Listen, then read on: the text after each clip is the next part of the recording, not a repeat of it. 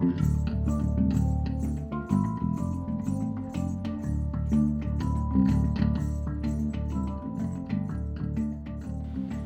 i się rozchorowałem. Czuję, że po raz kolejny szukam równowagi w swoim ciele, a moje ciało jest w chaosie. Wiem, że choroba jest procesem wzmacniania mojego ciała, ponieważ walczę z bakteriami i jeśli nie daję żadnego antybiotyku, to moje ciało uczy się w jaki sposób zwalczać tego typu infekcje i będzie silniejsze na przyszłość. Dlatego się mówi, dzieci, które chorują dużo w przedszkolu, kiedy są młode, na, na późniejsze lata są znacznie bardziej odporne na różnego rodzaju choroby. I tak z nami jest. Jednak choroba nigdy nie jest niczym przyjemnym. Czuję, się, czuję, że po raz kolejny stawiam czoła swojej bezsilności. Bezsilność jest tym procesem, który, który był dla mnie motywacją do, do poszukiwania drogi, do drogi do równowagi, do spokoju, do tego, żeby być silny w swojej bezsilności. A tym momentem był moment, kiedy moja siostra była chora. Była w szpitalu, bolały ją jelita, po prostu zginęła się z bólu na łóżku szpitalnym. Siedziałem obok i obserwując jej ból, nie byłem wsparciem. Nagle to, co poczułem, to poczułem obezwładniającą bezsilność, słabość i zacząłem płakać. Zacząłem czuć jej ból i to, co ona zrobiła, to na chwilę przerwała swoje katusze, popatrzała na mnie i powiedziała: Daniel, wyjdź. I wtedy sobie uświadomiłem, że, że nie na tym polega bycie z kimś, nie polega na tym wsparcie. I ten moment powie- dał mi siłę i motywację do tego, aby poszukać jakiegoś sposobu, aby być silny w swojej bezsilności. Kolejnym razem, kiedy była w szpitalu, wiele lat później, już byłem wsparciem. Jej ból nie obciążał mnie. Mogłem trwać przy niej, trzymać ją za rękę, pomagać jej przebierać. I wydaje mi się, że to jest też prawdziwa siła w nas samych. Nie to, że zawsze wiemy, co zrobić, ale to, że potrafimy po prostu przyjąć na siebie i w tym trwać. Nadal jestem na Teneryfie. Co prawda mój czas powoli się tutaj kończy, został jeszcze tydzień. Ostatnie dni spędziłem podróżując trochę samochodem razem z Szymonem, który wynajął auto i, i byłem w miejscach, których wcześniej w sumie nie odwiedziłem na Teneryfie. Byłem, objechałem Elteidę, byłem w Anandze. Teneryfa jest przepiękna, od samych skał po dżunglę, po pustynię. No, Teneryfa ma w sobie coś cudownego. Jednak no, rozchorowałem się i cały podróż była dla mnie też procesem przetrwania. Wierzyłem też podświadomie, że ten, ta zmiana klimatu, która tutaj jest, pomoże mojemu ciału. Co prawda prowadziło to do dużej nierównowagi, ale pamiętam moment, kiedy wszedłem w dżunglę, która jest w Anandze, tam na mocno na północy Teneryfy i nagle wyzdrowiałem. Na te 30-40 minut, kiedy szedłem tą dżunglą, byłem zupełnie zdrowy. Nie było kataru, nie było kichania. Po prostu czułem w sobie siłę i radość, aż chciałem, po, zresztą trochę pobiegłem kawałek, żeby poczuć tą energię. Y, Ujęcia z tego, z tego miejsca będziesz mógł zobaczyć, myślę, na moim blogu wolnyduch.pl. Tam będzie kilka urywek. I zobaczysz, jak, jak piękna jest Teneryfa. Jednak do tego, to do czego zmierzam, to jest poszukiwanie siły.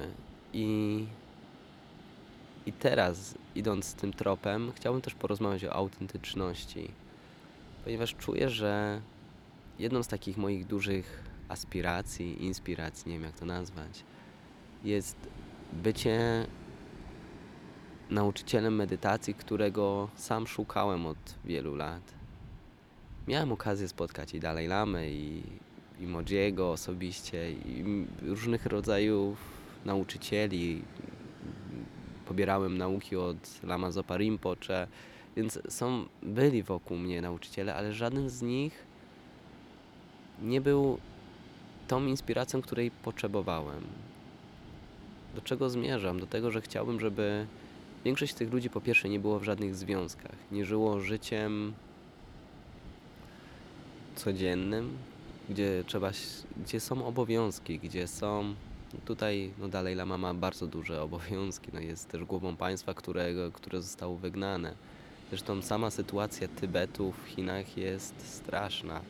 Chiny przejęły Tybet, budują się tam e, kasyna, burdele i wszystko, co jest związane z kulturą tybetańską, zostaje wyrzucone stamtąd. Mnisi do dnia dzisiejszego są torturowani, są reedu, reedukowani, czyli brani i, i jest im prane są mózgi do takiego stopnia, że później jak wychodzą z takich reedukacyjnych ka- nych obozów, to się podpalają na ulicy. Dharamsali, czyli można powiedzieć w Nowym Tybecie. Indie udostępniły po prostu Tybetańczykom miejsce, całe miasto, gdzie żyje właśnie Dalaj Lama, gdzie 90% populacji to Tybetańczycy. I jest tam duża tablica ludzi, którzy po prostu z frustracji się podpalili na żywca, usiedli w medytacji i się podpalili. To jest straszne, ale no taka jest prawda. Ale do czego zmierzam? Miałem, chciałbym być nauczycielem, który, którego szukam, który ma związek, który,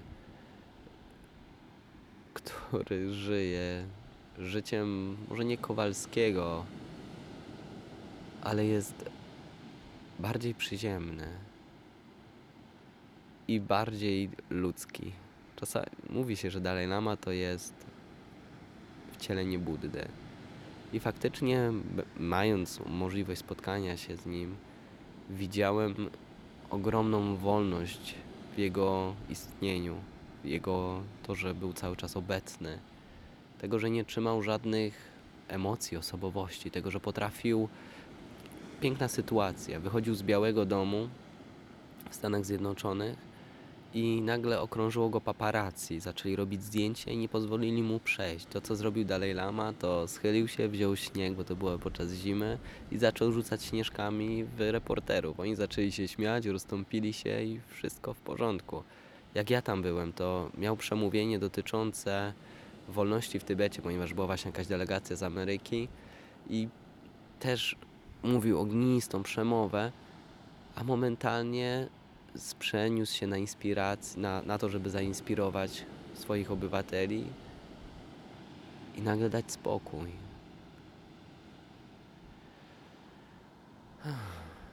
Ale co do samej autentyczności, chciałbym pozwolić sobie na nietrzymanie właśnie takich, tak jakiegoś ja. Taki przykład trzymania ja to jest biznesmen czy menadżer jakiejś dużej firmy, który idzie na plażę i zachowuje się tak, by był dalej w garniturze.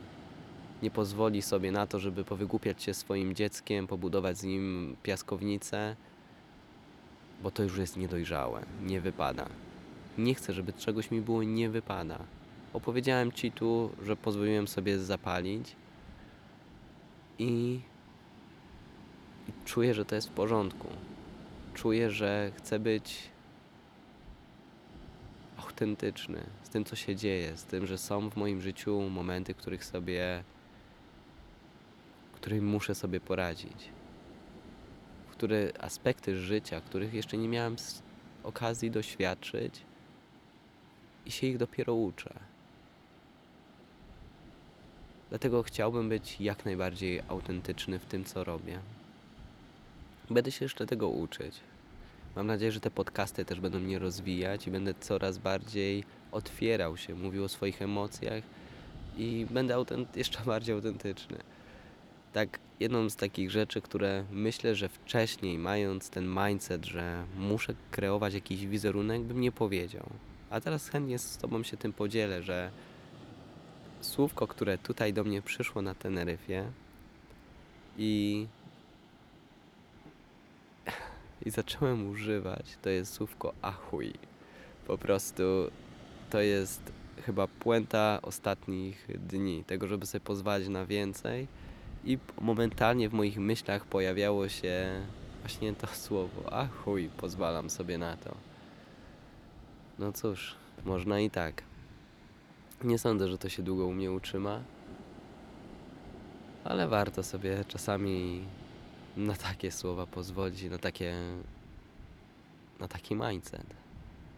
Na odpuszczenie jeszcze większe. Ciekawą koncepcję, którą tym raz rozważam, to jest temat planowania życia osobistego. Tego, czy czasem warto by było pozwolić sobie na większe zaskoczenie i planować tylko życie zawodowe, ale nie osobiste. Dać sobie większą przestrzeń na niespodzianki. Gdy podróżowałem, tak było. Nie miałem planów. Siadałem do autostopu i jechałem tam, gdzie poprowadził mnie kierowca, tam, gdzie on jechał.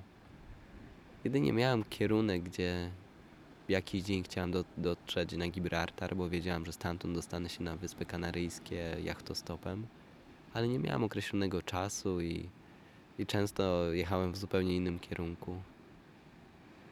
Może w życiu osobistym też powinienem sobie na to pozwolić, dać większą przestrzeń. Zobaczymy.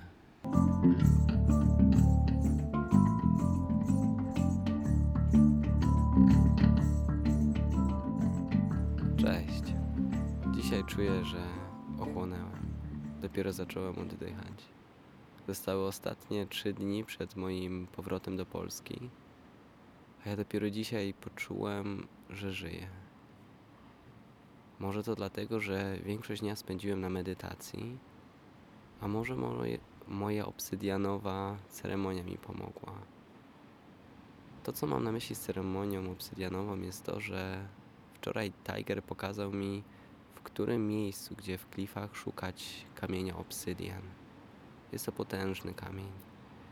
I dzisiaj tam powędrowałem, zacząłem szukać ładnych kawałków, ponieważ obsydian bardzo szybko się kruszy i jeśli się nie znajdzie ładnie scalonego duży kawałek, niestety w większości to jest po prostu wychodzi jak czarny piasek. Więc zacząłem szukać. Pierwsza rzecz, która się wydarzyła, gdy szukałem, obsydian mnie ukuł. Najpierw mocny. Obsydian się jakby bronił, nie wiem jak to inaczej nazwać.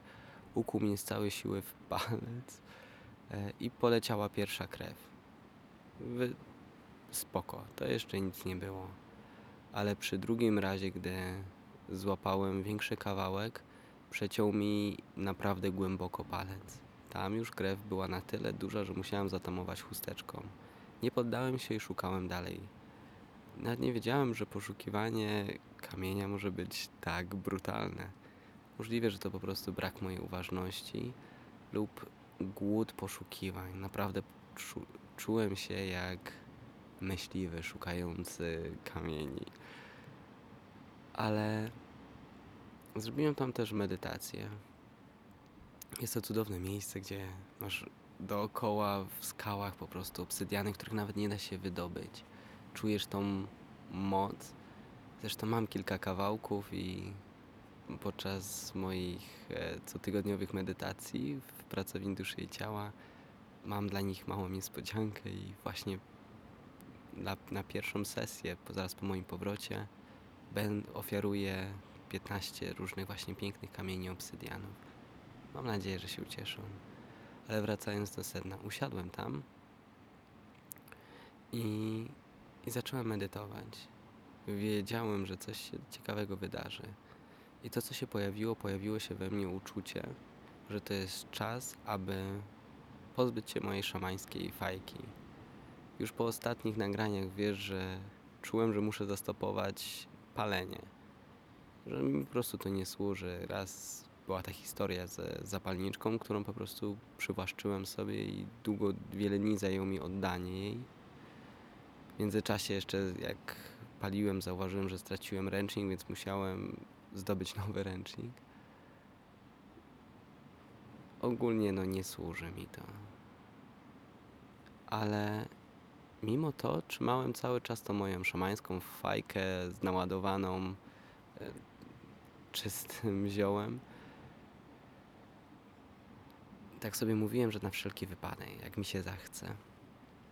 I tak ją nosiłem i coś czuję, że mocno nadwyrężało to moją silną wolę, ale ją trzymałem i nie paliłem. I w tamtym momencie, kiedy medytowałem przy obsydianach, poczułem, że tak, że to jest ten moment, aby w końcu oddać fajkę. I to, co postanowiłem zrobić, postanowiłem zrobić małą ceremonię, ponieważ zebrałem, jak robiłem te poszukiwania tych kamieni, nie wiem, znalazłem ich przynajmniej ze 100 różnych kamieni. Wiedziałem, że wszystkich nie zabiorę, ale wtedy je gromadziłem, tak aby później wybrać najlepsze. I położyłem fajkę blisko dużego obsydiana, którego się nie dało wyciągnąć ze skały, a następnie zacząłem układać kamyczek po kamyczku, tylko obsydiany, kam, obsydian po obsydianie, aby zakryć całą fajkę. Mam zresztą kilka zdjęć, mm, udostępnię to na blogu u siebie na wolnyduch.pl i za, zacząłem to zasypywać małymi kamyczkami obsydianu, a później jeszcze jednym takim ogromnym. I może kiedyś, jak tu wrócę, znowu ją znajdę i znowu sobie zapalę, nie wiem. A może nie. Nawet nie wiadomo kiedy wrócę. Ale sama ta ceremonia pozwoliła mi wyluzować. W pewien sposób zamknąłem pewien rozdział. Zostawiłem też tam jeden kryształ. Biały, przezroczysty kwarc, ale w środku był. Jak, nie wiem jak to nazwać. Czerwony duszek. Dostałem ten kryształ od mojej przyjaciółki Martyny, która otrzymała go od czarownicy, która przywiozła go z Brazylii, żeby robić e, różdżki. Czasami można w tych sklepach szamańskich znaleźć różdżki. Nie wiem, czy kiedyś widziałeś. I dostałem jeden z takich kryształów i zostawiłem go podczas tej ceremonii. I czuję, że w pewien sposób to był dar tak, tych obsydianów za, za wolność. Można sobie stworzyć chyba różne historie. Ja sobie tworzę taką, że to był mój datek za pochówek do mojej fajki. No cóż, tak wyszło. Ale powiedziałem na początku, że czułem, że odetchnęłem, ponieważ zrobiłem sobie kolację, ugotowałem. Miałem tylko jedną cukinię, zresztą bardzo ciekawą, bo taką kuleczkę cukinię. To są takie okrągłe cukinie. Zazwyczaj kupujemy w sklepach w Polsce, zwłaszcza takie długie, jak ogórki przypominające. A tu bardziej przypominało takie duże, grube jabłko, takie trzy, trzy razy takie jak jabłko.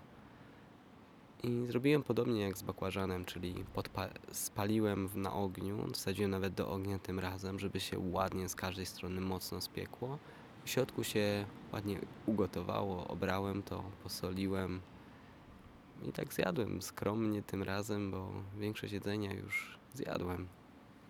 Jutro rano się wybieram do marketu ekologicznego. Dowiedziałem się, że właśnie w sobotę jest e, w Adeche market ekologiczny. Kiedyś o nim słyszałem, ale nigdy nie zawracałem sobie tym głowy.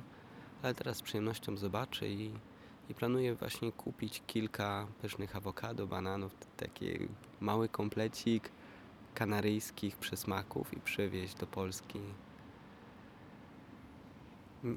Nie mówiłem tutaj też powodu, dlaczego przyjechałem.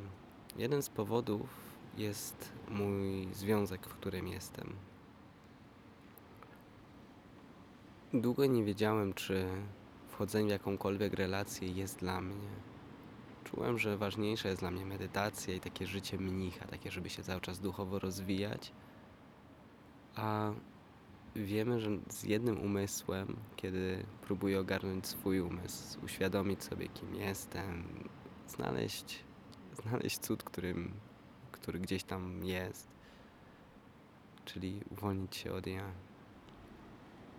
to w momencie, kiedy w jednym miejscu spotykają się dwa takie umysły, zwariowane umysły, to nie jest łatwo. I aspekt związku jest dla mnie czymś, co jest czymś, co jeszcze nie ogarniam. Czymś, czym czuję, że potrzebuję bardzo dużo tam pracy się nauczyć. I już jestem w tym związku rok. Moja partnerka nazywa się Orsi, cudowna kobieta. Jedna z najbardziej dobrych osób, które w życiu spotkałem. Kiedyś, jak sobie myślałem o kobiecie marzeń, czy jak tak można nazwać, to uznałem, że nie chcę ni- nic opisywać. Lubię niespodzianki, lubię nieznane. I w tym wypadku jedynie o czym pomyślałem, to to, żeby to była naprawdę dobra kobieta. I taka właśnie ona, taka jest.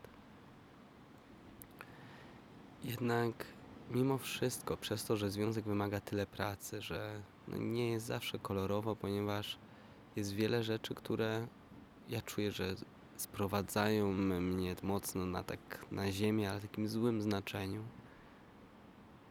I, i powodują we mnie jakieś lęki, czy, czy, zabier- czy tworzą problemy, których nie ma. I zastanawiałem się, czy na pewno związek jest dla mnie. Przed wyjazdem mieliśmy tą rozmowę, że po prostu potrzebuję czasu dla siebie. I tutaj kolejny ukłon w jej stronę, to, że pozwoliła mi, bo jaka partnerka pozwala swojemu mężczy- mężczyźnie wyjechać na miesiąc samemu. I to na hipisowską wyspę, gdzie chodzi mnóstwo nagich kobiet, gdzie, gdzie się jest po prostu totalnie wolnym i odciętym od świata. Cieszę się, że mi ufa. I muszę Ci też powiedzieć, że ciekawą rzecz, którą można powiedzieć upgrade'owałem u siebie, uaktualniłem, jest lojalność. Ponieważ było dla mnie oczywiste, że nie skrzywdzę, nie zdradzę, nie będę nawet się czy, czy całował, czy jakikolwiek fizycznych aspektów z inną kobietą uprawiał. Nie wiem, jak to teraz się trochę poplątałem, ale wiesz o co chodzi. Po prostu jej nie zdradzę. Ale zauważyłem, że moje myśli zdradzają. To znaczy, miałem na samym początku, zwłaszcza kiedy wszedłem tutaj i zobaczyłem mnóstwo tych nagich kobiet, zauważyłem, że mam. Nie wiem, jak to nazwać. Myśli, które mi się pojawiają, są mocno seksualne, mocno namiętne i. I pozwoliłem sobie na to. Pozwoliłem, zaangażowałem sam w sobie w tą wyobraźnię aż potrzebowałem całego dnia, żeby na drugi dzień sobie uświadomić, że to też jest zdrada. Jeśli wiadomo, podświadomie jeśli to się wydarza, no nie mamy na to większej kontroli. Jest to w porządku. Jestem mężczyzną, to się może wydarzać. Ale jeśli ja już sobie pozwalam na wyobrażanie sobie innej kobiety, nagiej, w tym wypadku nawet nie muszę sobie wyobrażać, ale wyobra- okej, wiesz o co mi chodzi, znowu ciężki temat. To, do czego dążę, to jest powiedzieć, chcę ci powiedzieć, że lojalność jest też w myślach. Czyli to nie tylko to, że fizycznie nikogo nie dotykamy, ale tego, że nawet sobie nie wyobrażamy bycia z kimś innym. Uprawianiu seksu z kimś innym. To jest duże, przynajmniej dla mnie, ale czuję, że czemu nie? Jeśli być lojalnym, to w pełni. W pewien sposób zamknąć rozdział mężczyzna-kobieta, związek i już nie dać swojemu zwierzęcemu instynktowi dalej działać, szukać i, i być tym samcem, który potrzebuje samicy, ale być świadomym tego, że ona już jest, że ten rozdział w pewien sposób jest zamknięty i tam może być spokój. I to jest piękne bycie w związku. I na chwilę obecną odczuwam ogromną radość tego, że jestem w związku, no ale łatwiej mi mówić, ponieważ jestem teraz sam.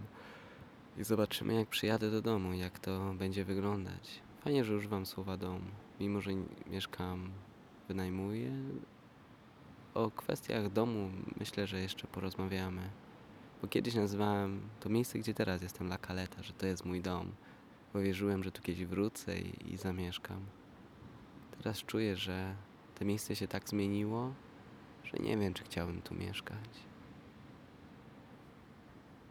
Jeszcze czas na podsumowanie mojego pobytu tutaj będzie. Myślę, że nawet dam sobie trochę dystansu i dopiero jak wrócę do Polski, ki- po kilku dniach dopiero nagram takie podsumowanie, co się wydarzyło.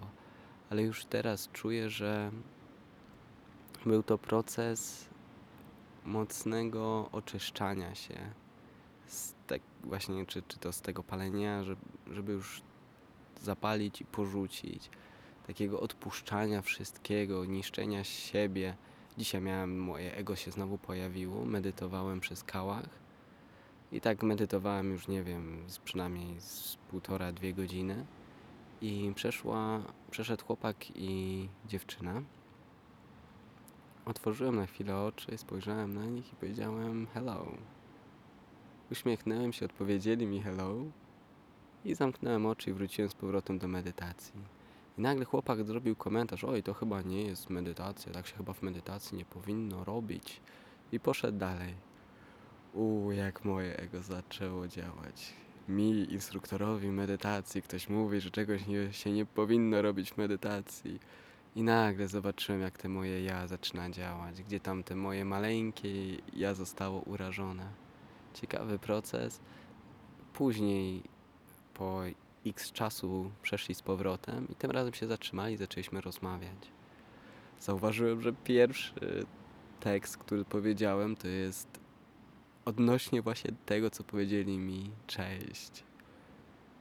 W kilku zdaniach powiedziałem chyba dwa jakieś zdania wyjaśniające, że medytacja także powiedzenie cześć podczas medytacji jest w porządku, zwłaszcza kiedy kiedy praktykuje się też odpuszczanie tego, że jesteś w pięknym stanie spokoju, medytacji i też powinieneś umieć odpuścić. Jeśli oczywiście już masz wyćwiczony pierwszy etap, czyli bycie w medytacji i nie rozpraszanie się. Tutaj czułem się urażony, ale wiem, że to tylko moje małe ja, które, które, które uczę się wyluzowywać. I wracając do tematu, czułem, że ten chłop, że moje, ten poczucie tego ataku nie wynikało, oczywiście zawsze wynika to z nas samych, ale czułem, że ten chłopak ma znacznie większego niż ja. I stawiał się właśnie z pozycji nauczyciela medytacji, bo jak usłyszał tam moje pierwsze te dwa czy, czy trzy zdania dotyczące tego, czym powiedziałem cześć, zaczął mnie uczyć, zaczął mi mówić, jak się powinno medytować i co się powinno robić. Zacząłem to po prostu słuchać, obserwować siebie i dać sobie tą naukę. Ok, otwórz się i przypomniałem sobie ważne słowa, które dają mi naprawdę bardzo dużo. A właściwie dam ci dwa zdania, które zmieniają wszystko w moim życiu zawsze. Pierwsza to jest: wiem, że nic nie wiem. Po prostu naprawdę wiem, że nic nie wiem i a w szczególności o medytacji. Mimo, że uczę medytacji, jeśli medytujesz, dobrze wiesz, że nie da się medytacji, o medytacji mówić. Medytację się doświadcza i za każdym razem medytacja jest nową medytacją. Jak zaczynasz medytować, to każdy moment, kiedy siadasz ponownie, jest zupełnie inny. I drugie, takie najważniejsze zdanie, w szczególności kiedy jest jakaś walka, czy moje ego mocno się burzy, to jest zdanie, czy czy chcę mieć rację, czy chcę być szczęśliwy. Ponieważ często to nie idzie w parze. Czy chcę mieć rację, czy chcesz mieć rację, czy chcesz być szczęśliwy. Czasami po prostu warto odpuścić. Odpuść to, że nie masz, że nie walcz o swoją rację, tylko po prostu bądź szczęśliwy. O, odpuść, pozwól komuś, czy się pomylić, czy, czy mieć swoją rację. To naprawdę bardzo dużo mi daje. Mówiłem, chciałem, miałem teraz zamiar podsumować. Aha, jeszcze do tego chłopaka z medytacji. Mm. I faktycznie, gdy sobie odpuściłem, dał mi faktycznie jedną dobrą radę, której nie stosowałem. Było to jedno zdanie: usłysz swój oddech. I, i to jest dla mnie ciekawe spróbuję to zrobić. Tym razem nie będę tylko świadomy swojego oddechu, ale także spróbuję go słyszeć. Sprawdźmy, co to jest. Ten czas tutaj na Teneryfie jest. jest inny. Wiem, że zawsze wszystko jest inne, ale tym razem to, co się wyróżnia, to, to, to ludzie. To jest chyba taki czas, kiedy bardzo dużo osób wyjechało, też już wiadomo, Szymon pojechał, Ani była tylko przez trzy dni, ponieważ dużo poszła w góry i, i w ogóle jak to ta dziewczyna bardzo aktywna. Ale w ogóle jest tu naprawdę mało ludzi, z którymi czuję, że mógłbym się zgrać. Czuję, że jesteśmy troszkę na innym etapie. Wiele ludzi, którzy tu przyjeżdża, są to ludzie, którzy, można powiedzieć, są też zagubieni, którzy siebie szukają. Miałem też to na początku tutaj. Teraz czuję, że mam gdzie wracać. Wiem, gdzie wracam, po co wracam. Wiem, że ktoś tam na mnie czeka i wiem, jaki jest mój na chwilę obecną zawód i, i co muszę wykonywać. Wiem, jaką praca mnie czeka. I to jest pewien mały konflikt z tym, ponieważ no, jesteśmy na innym etapie życia. Więc po pierwsze ilość ludzi jest znacznie mniejsza w tym okresie. Chyba największa to jest ten okres zim, mocno zimowy, czyli li- listopad, właśnie święta, nowy rok. Mniej więcej chyba listopad, a luty to jest najlepszy okres, żeby przyjechać. Znaczy wtedy jest też dużo ludzi, ale dzięki temu też jest zabawniej i, i to ludzie często tworzą udane wyjazdy. Jeden z takich udanych wyjazdów był dwa lata temu, kiedy przyjechałem tutaj na trzy miesiące. Pamiętam, że byliśmy, robiliśmy codziennie kręgi, gdzie krzyczeliśmy, gdzie uprawialiśmy jogę. Wieczorami był tutaj Włoch, który był szefem kuchni, dosłownie pracował jako szef kuchni i postanowił zrobić sobie przerwę od tego, ponieważ poczuł, że stracił pasję, bo wszystko zaczęło być bardzo automatyczne, na wielkim pośpiechu, jak to w restauracjach. I po prostu postanowił na chwilę wyluzować i stać się hipisem. I poszliśmy z nim na układ, że my mu przynosimy jedzenie, często z dumpster divingu, czyli tam ze śmietników czy z warzywniaków, e, a on nam to po prostu gotuje, przyrządza. I jejku, jakie to było pyszne. Więc naprawdę tamten okres był no, cudowny. Tym razem jestem w większości sam. Nawet jak był Szymon, to głównie się spotykaliśmy wieczorami, czy tam zjedliśmy kolację, czy na ten krótki okres, kiedy podróżowaliśmy te dwa dni samochodem. O, ktoś tu chyba sobie śmieje się w oddali. Ale dobra, wracamy do tematu. Powiedziałem też, że po powrocie czeka mnie dużo pracy, ponieważ jest duży news, przynajmniej dla mnie. Przyszła książka, książka na urodziny. Jest to tytuł książki, którą napisałem razem z moją przyjaciółką. Właściwie to nawet nie jest książka, jest to proces, można powiedzieć, odkrywania siebie, poznawania siebie. Ponieważ moje urodziny, mam takie dwa okresy, urodziny i nowy rok. I właśnie moje urodziny są tym okresem, kiedy wyłączam telefon, z nikim nie rozmawiam i daję ten czas tylko dla siebie.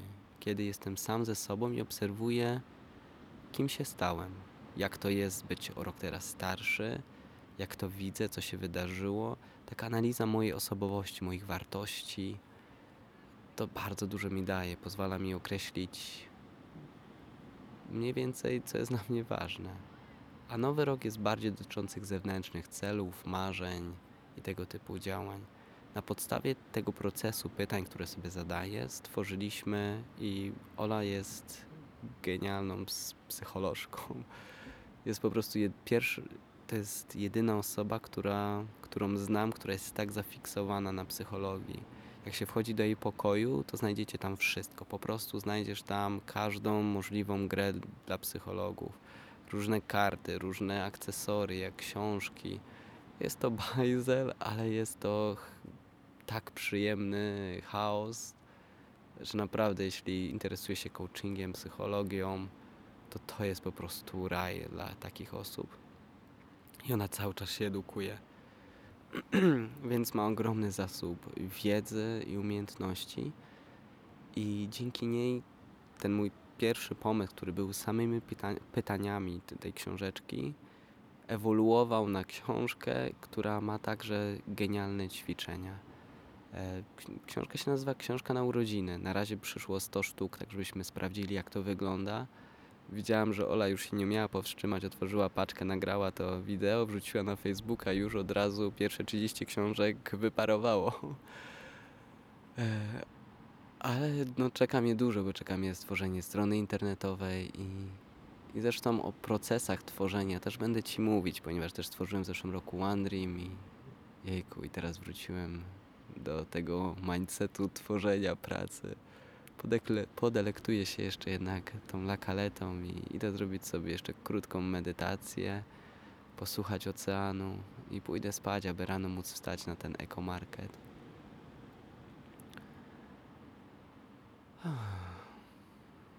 To co?